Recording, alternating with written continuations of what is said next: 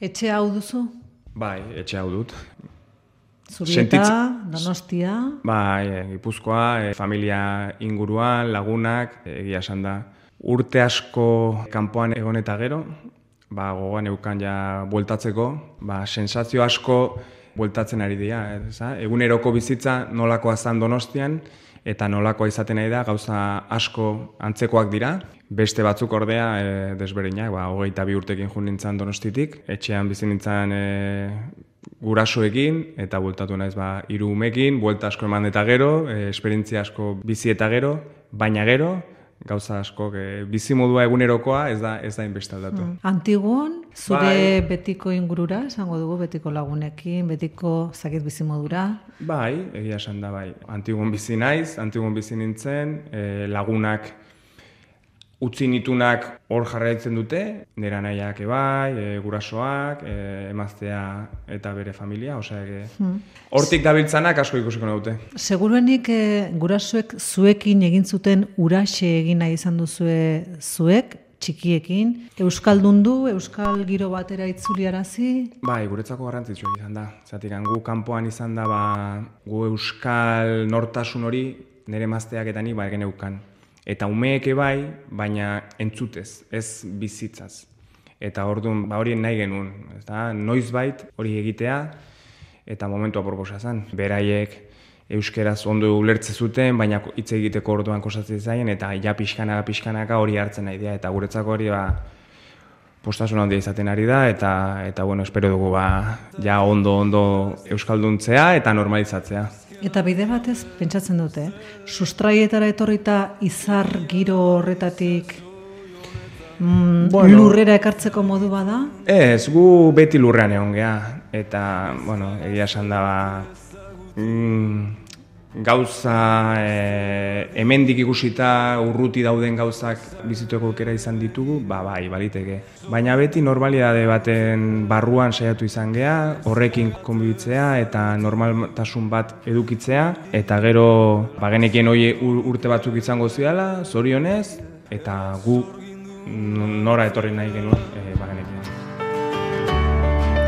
Azken bidaia hau ez duzu izan Etxe ondotik iesa Xabi Alonso, egunon. Egunon. Egin dizkizuten elkarrizketa guztietan ezpada gehienetan, aipatzen dituzu aita, Periko, eta zure anaia Mikel, futbolariak biak, norberaren aurretik taldea jartzeko, kolektiboa jartzeko, ez dakit eskarmentua jaso duzun, serietik datorkizu hori, E, dudik, dudik gabe, zatik lehenengo nire aitaren influentziagatik, ez da? E, bai jokalari, gu gazteak ginenean bera entrenadorea zane bai, futbola ikustezun seriotasun puntu baten bitartez, profesionaltasun baten bitartez, eta gu hori ba, eguneroko bizitzan ikusi dugu. Bai berak entrenamenduak, partiduak preparatzeu behar zituenean, bai berarekin joeten ginenean behasainea, eibarrea, zubietara, eta eta hori ba individuaren aurretik kolektiboa dago. Eta hori oso lekziona izan da nire karreran futbolari bezala eta izaten ari da ba, egun hauetan e, egun batzuk bakarrik entrenadore bezala. eta amaren gandik, Isabel Olano, hau, orendaingo baserriko alaba bat. Bai, bai, bai. E, Amaren gandik zer jaso duzuzok? Bueno, egia esan da bakigu, ama, amaren influentzia oso nabarmena da guregan jakitea zer diran gauza garrantzitsuak, gauzak bere fundamentuarekin egitea, ez, ez tontakerik gehiegi egitea, nire ama ba, urte hauetan hemen ez egon arren, ba, saiatu izan da nola baiteko kontrola ez, baina jakiteko zer nondik jun behar nintzen eta zer uste zuten ona, ona zala niretzako. Burua hotz edukitzen arkla, arkerak utzi dizu? Bai, bai, bai, bai. Eta, eta saiatu, ba, goregi ez igotzea eta beregi ez erortzea. Ez da, saiatu puntu, tarteko puntu hori aurkitzea, zatikan askotan oso, oso zaila da, ez da, zatikan kirol bat da emozioa handikoa, eta badirudi zure sentsazioak oso, oso ezberdinak izan daitezkela eta saiatu hori kontrolatzea. Baina zu egontzara inoiz oso persona orekatu ikusten zaitugulako, eh? Egontzara inoiz oso goran edo oso, Oso behan? goran? Ez, ez dut uste. Saiatu naiz orekan hori mantentzen. Eta ez, gauzak disfrutatzea bai, eta gauzak eh, gau, ondo ez dijoa zenean sufritzea eta pixkat pena hori edo min hori sentitzea bai. Baina ez lurrean egotea eta ez izarretan egotea. Ez hori, bueno, eh, saiatu naiz eta saiatu dira ez, ez uzten. Gaur egun dagoen futbola egiteko moduarekin, esango genuke barrunbetatik gero eta gutxiago duena eta burutik edo arrazoitik gero eta gehiago, oso ondo txertatzen da zure jokatzeko modua, ez? Bueno, batipat erdilarietan eta hor posizio nahiko zerebrala da. Eta pixkat pentsatu behar duzu bai zer daukazu atzean, zer daukazu aurrean, eta oreka hori edo partiduaren irakurketa hori garrantzitsua da. Eta horregatik ba, saiatu behar zea e, partiduaren e, momentu horretan pixkat analisi motz bat eta hotz bat egitea, eta hori da ba, posizio horretako lan garrantzitsuenetarikoa. Espazioaren bila. Espazioaren bila edo aurkariari alik eta huts tarte txikien austea, ez? Bai, batipat zu daukazunean jakin nun dago espazioa eta saiatu jokalari librea hor egotea. Eta, eta pixkanaka ba, pauso edo bataia txiki hoiek irabaztean, ba, kontrol gehiago izango duzu eta kontrol gehiago baldin bakazu aukera gehiago daukazu. Ni hori urteekin ikasi dute, bai, eh? hori partiduekin, entrenadorekin hitz egiten, eta hori pixkanaka ulertzen juten zea, eta, eta bueno, guain saiatzen naiz, ba, hori hori hitz egiten, eta beraiek bai hori ulertzea, ez ni bakarrik kontatzea, baizik eta beraiek gero ikusi behar dute. Berdegune batean berdea besterik ikusten ez duen kazetariari, nola, nola azaldu zein den berdeguneko espaziorik arriskutsuena? Bueno, ni erdilaria izan da, niri eh, asko saiatzen nintzen nire bizkarrean zegoen espazio hori, nire tartean eta defentsen artean zegoen espazio hori ez, ez aurkitzea. Hori, hori izan nire, nire lana, espazio hori okupatzea edo paseetako lerroiek moztea. Eta hor, espazio horretan arerioak baloia jasotzea. Ordea, ni neukanean baloia saiatzen nintzen espazio hori aurkitzea. Eta saiatzen nintzen nire inguruan zeuden jokalari hobeagoak, ni baino hobeagoak, hor baloia jasotzea. Eta beraiek hor egotea baloia jasotzeko. Eta ni hori lortzen bani banuen, kontentu nuken nire lana ondo egiten ari nintzelako. Espazioa zaindu, jokaldi aurre hartu, hoiek e, zure egiteko nagusiak, baina buruak edo arrazoiak, pentsatzen dugu, makurtu egin beharko duela jainkoen aurrean, ez? Jainko batzuk badirelako. Bueno, Zuk noren aurka ezin zenuen, esate baterako. Noren aurka zen ezinezkoa. Bueno, ezin esko, eh, inoiz. Beti pentsatu erazu, eh, egin dezakezula, baina talde fase bakoitzean beti arerioak dauzkazula, beti leia gogorrak izan direla. Gogoratzen naiz, realan hasi nintzenean, nire lehenengo partiduetan eh, jokatu nuen zidanen aurka, eta niretzako jainko bat zen, lehenengo admiratzen duelako, eta gero beraren aurka jokatzean, e, esate, nola egin dezake horrelako gauzak? Hain zaiak, hain errex. Eta saiatu beraren aurka burrukatzea, ba, nolako leia edo erronka oso garrantzitsua zen niretzako, eta azkenean lortu genuen, eta iaia txapeldunak izan ginen fase horretan e, urte horietan realakin, osea, e, orain dela ez hain beste. Eta gero Liverpoolen egonen Chelsearen aurka oso e, leia e, potenteak eneuzkan, Madrien neonen Bartzelonan aurka, eta azkeneko urtetan Bayern neonen badanetatik. Baina asko disfrutatu ditut, osea, que guain pixka ja elitetik kanpo nago, baina ikuste dituzu Championseko partioak eliteko partidoiek eta kanpotik ikusta disfrutatu ditut, baina barruan egonda asko asko disfrutatu ditut. Nortzuk dira orain zure jainkoak? Ba, guain, pff, e, zailagoa da antzematen, pixkanaka, pixkanaka e, ezagutuko ditut edo e, aurkituko ditut. Ez duzu bustine esate baterako euskal taldeetan, nor ikusten duzu jokalari apartekoa. Hombre, euskal taldeetan. E, realean, taldea oso ondo funtzionatzen ari da. E, jokalari asko maila oso ona ematen ari dira, eta asko gustatzen zait bai Imanolek proposatzen duna eta taldeak norbera bezala zer sentitzen nahi dan. E, jokalari batzuk oso maia, Mikel Merino oso maia emate, ona ematen ari da, Igor Zubeldea de bai, Mikel Oiarzara de bai, osea, asko gustatzen zai daukaten ideia eta nola jokatzen ari da eta nola eh, sentitzen ari dira ideia hori eta hori, gu erreal ontzat eta errealean eman klubean gauden ontzat, ba, gustatzea zer nola jokatzen ari den lehenengo taldeak, gero emaitzak hobeak edo ezain hobeak izango dira, baina prozesua asko disfrutatzen ari dira.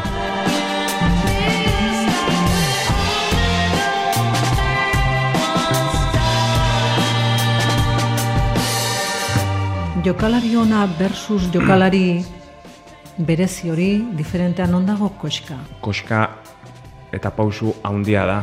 Ni uste eguneroko zu nola bizitzen duzun, zure bizimodua, eta futbola badakizu asko eskatzen dula. Eta zu, badakizu, e, futbola izango da garrantzitsuena, familia eta garrantzitsuena da. Baina gero, zure bizitza, futbolarekiko dana pentsaten barrezu, e, hainbeste partidu dukita, nola deskansatu behar dezun, nola preparatu behar dezun, eta gaur egun ba, baliabide gehiago dauzkate futbolariek. Baina mentalide hori eukitzea, jokalari ona izatetik jokalari bikaina izatera hori erronka eta paus hori eman behar da. Realean, Eibarren, Liverpoolen, Real Madrilen, Munitzen, Aztugabe Espainiko selekzioa, leku guztietan lortu zuzuk zure espazioa? Leku guztietan sentitu zara zu eroso? Bai, bai. Leku guztietan oso ondo sentitu naiz. Eta horregatik, ba, saiatu naiz gauzak e, probatzen, gauza berriak egiten, eta niretzako reto bat zan. Lehenengo, realean, astea. Gero, Liverpoolean nire leku egitea. Liverpooletik Madrila jutea, badakizu zen olako ba, presioa eta maila erakustea eta, eta hori eh? onartzea. Presioa realzale zenbaiten partetik ere bai, bestelako presio bat, eh? baina ez. Bueno, ez, ez, ni hori normaltasun, eta ja e, hor jokatzea zer, zer esan nahi duen, eta partio bakoitzak ze garrantzia daukan, eta zenolako kritika egongo diren, hori onartu, eta horren gainetik zure maila hoberen erakustea. Eta bai, leku guztietan ondo egon naiz, eroso sentitu naiz, eta oraindik ba oso erlaziona daukat bai klubakin eta bai zaleekin edo non. Leku guztietan egindako ibilbidaren ondorioz da orain parean dugun Xabi Alonso.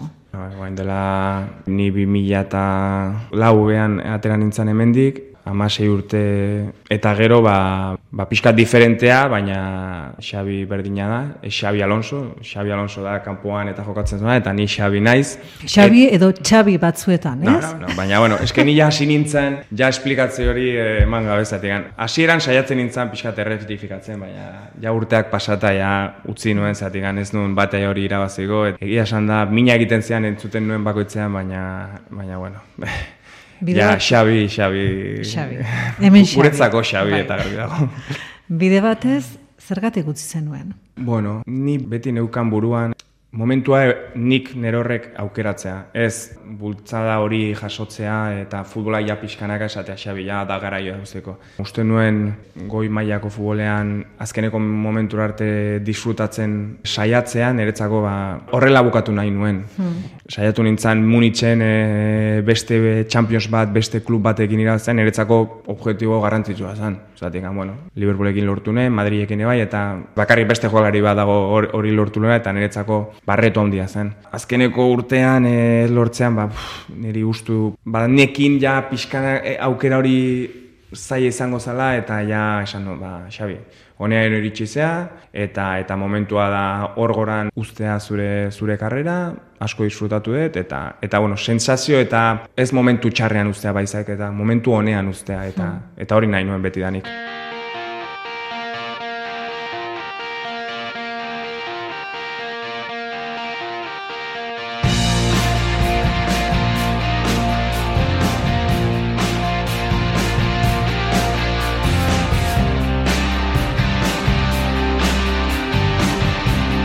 zure despedida zutaz esan zuten goitik berako futbolari bat zijoala, futbol sortzaile bat, goitik berako gizon bat eta kaso erdilaririk onenetako bat.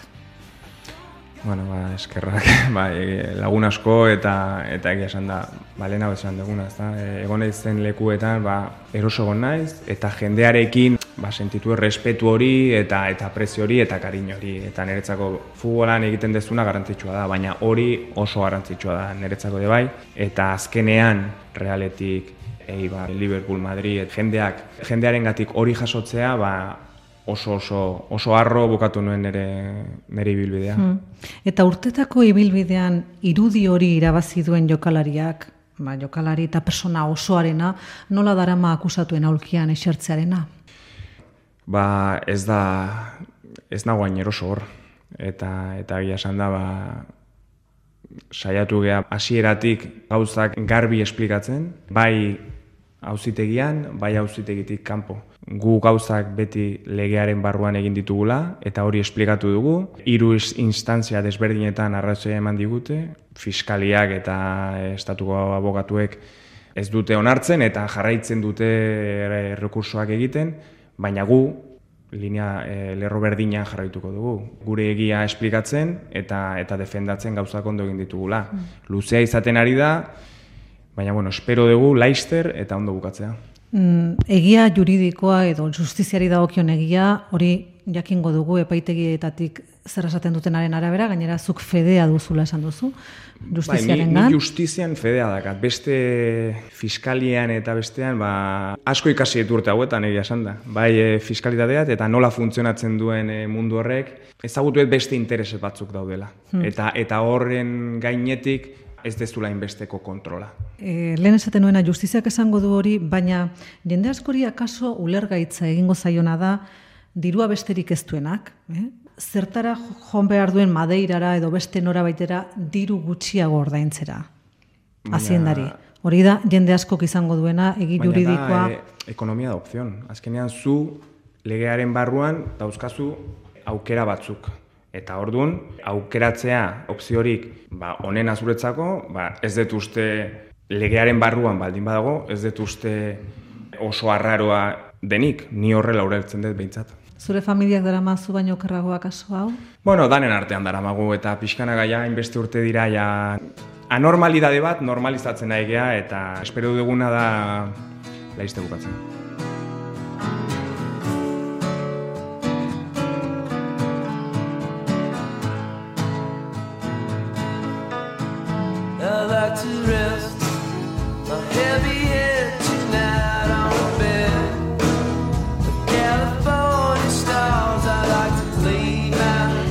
Badator Alonso txikirik ba, futbolera? Bueno, gustatzen zaio, lagunekin e, jokatzen ari da, bai, e, bai ikastolan eta bai antibogokin, eta... Jon. Bai, Jon, Jon, Jon. Etzako, ba, berarekin jutea, edo partioak ikustera, edo bera datorrenean, ba, nik egiten nuena ikusten ari naiz, bat, bat, bat. Eta neskak? Ba, neske, ane eta ema, ez? Bai, ane eta ema, ba, kirola gustatzen zaie, baina donostitik kanpo geundenen, ba, ez zuten e, futbolareko e, lotura hori, baizik eta bakarrik gure partidoak eta ikusten da juten zen baizik eta hemen, jokatzen ari da, ane jokatzen ari da, anoetara etortzen ari da, eta grina hori ba hemen e, e, edukitzen ari dira. Hortaz badago, ez? Realaren inguruan, atletiken inguruan, hainbat euskal talderen inguruan badago nesken Bai, bai, bai, ni uste, neska asko, ba, hemen kanpo ni ez de torrelako ambiente hori nesken e, futbolarekin ikusi. Eta etxeko arrobi partikulor hori alde batera utzita zer moduzko arrobia du realak?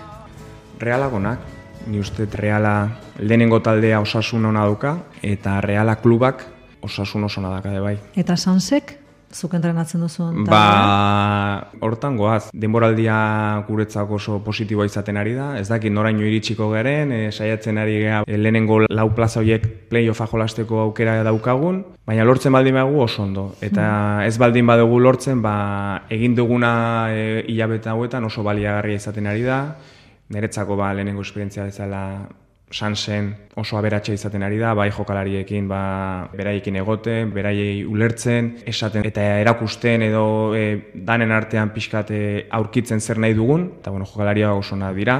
Oso, oso... bateren bat begiz jota, lehen e, mailan ikusten duzu? Ez, ez, ez nuke esan. na, na, danak, danak. Oso grupo talde hona hmm. dakagu. Eta entrenatzaile batek noiz asmatzen du? Noiz daki asmatu duela? Jokalariekin? Partioa hasi bezan laster. Ni ikusten dut lehenengo amar minututan gauzak ni pentsatuta neuzkan bezala jarduten baldin baute, esatu ba, e, gaur nire lana azertatu egin dut, zer egin behar genuen, batzutan ez da gertatzen. Eta, mm. bueno, saiatu behar zea, entenadoren izateko, normalean e, ondo egitea. Itzuli zinenean, e, aperri baik, ore guztiekin hartu zintuen, eta esan zuen, nahikoa izango zela zu izan zaren hori erakustea. Gauza bada jokatzea ere eta beste bada erakustea, ez? Bai, bai, oso ezberdina da. Horretan dago nire transformazioa, ez da? Jokalari izatetik, entenadori izatera. E, ni egin detenatik, nola bai transformatzea eta eta informazioari beraiek ondo ulertzea. Eta, bueno, pixkanaka sentitzen nahi naiz, gustatzen zait hori egiten. Eta orain goz, sentitzen konektatzen detela jokalariekin eta beraiek ulertzen dutela. Eta azkenean ordu asko pasatzen, igaratzen ditugu elkarrekin. Partio asko, entrenamendu asko, eta pixkanaka pixkanaka ja e, ritmo berean funtzionatzea, ba, konexio hori e, ikusten duzu eta gustatzen zaizu. Izan duzu bestelako tentaziorik? Tentatu zaituzte beste inondik entrenatzaile izateko? Bueno, normala da, normala da beste leku batzuk, baina, bueno, bueno orain gozet, nahi deten lekuan nago eta hemen oso gustora nago, osea, ez naiz mugituko. Pentsatzen dut, e, munduan asko ibili denak nahi dut esan dezakela, baina asko ere gehiago ez, ez behin atera zena, akaso berez ere aterako delako. Bai, bai, ez nago horretan pentsatzen. Ni eguneroko nun nagoen zentratuta nago eta hau da nahi detena. Osea, hemendik aurrera ez dut ez dut gehiagi pentsatzen zatik. E, buelta asko eman eta gero hemen e, asintatzean eretzako balio asko dauka eta eta hori sentutu nahi dut.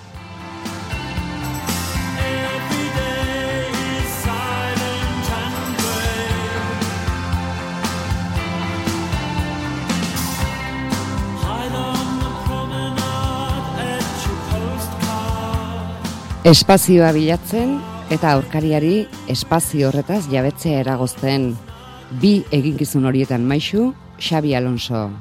Futbol zelaian futbolistaz jantzita, zelaiaren kolorea berdea, futbolista jantziarena aldatuz joan da, eta deigarria da, badu Xabi Alonsok zerbait, beste batzuei barkatzen etzaiena, barkagarri bihurtzen duena. Espazioa bilatzen, habilidadea duen seinale eta aurkariari espazio hori okupatzen ez uzten trebe.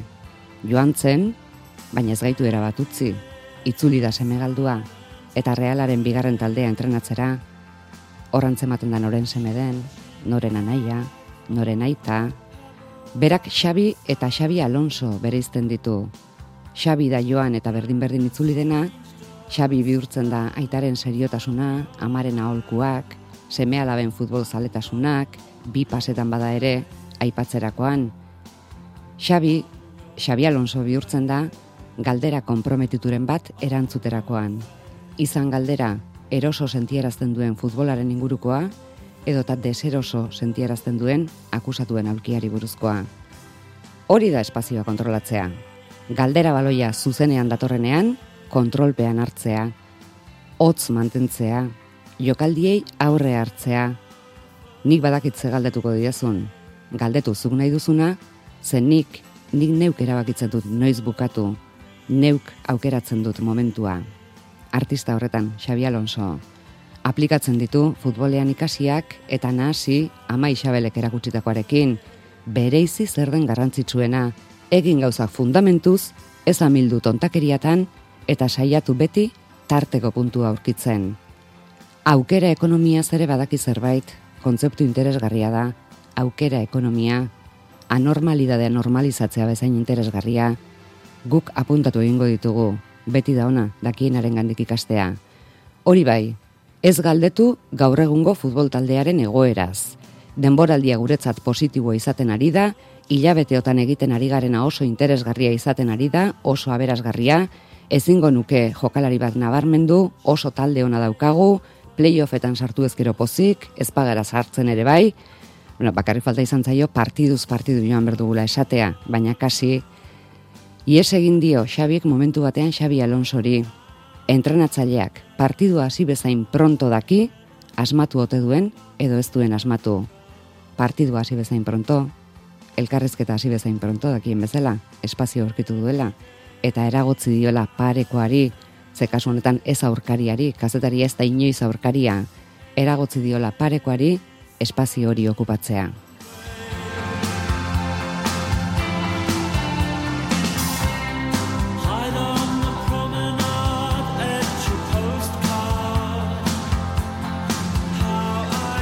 Ba, eskerrik asko zure etxean Euskadi Irratiko mikrofonoak hartzeagatik Eskerrik asko zuei. eta nahi duzun arte.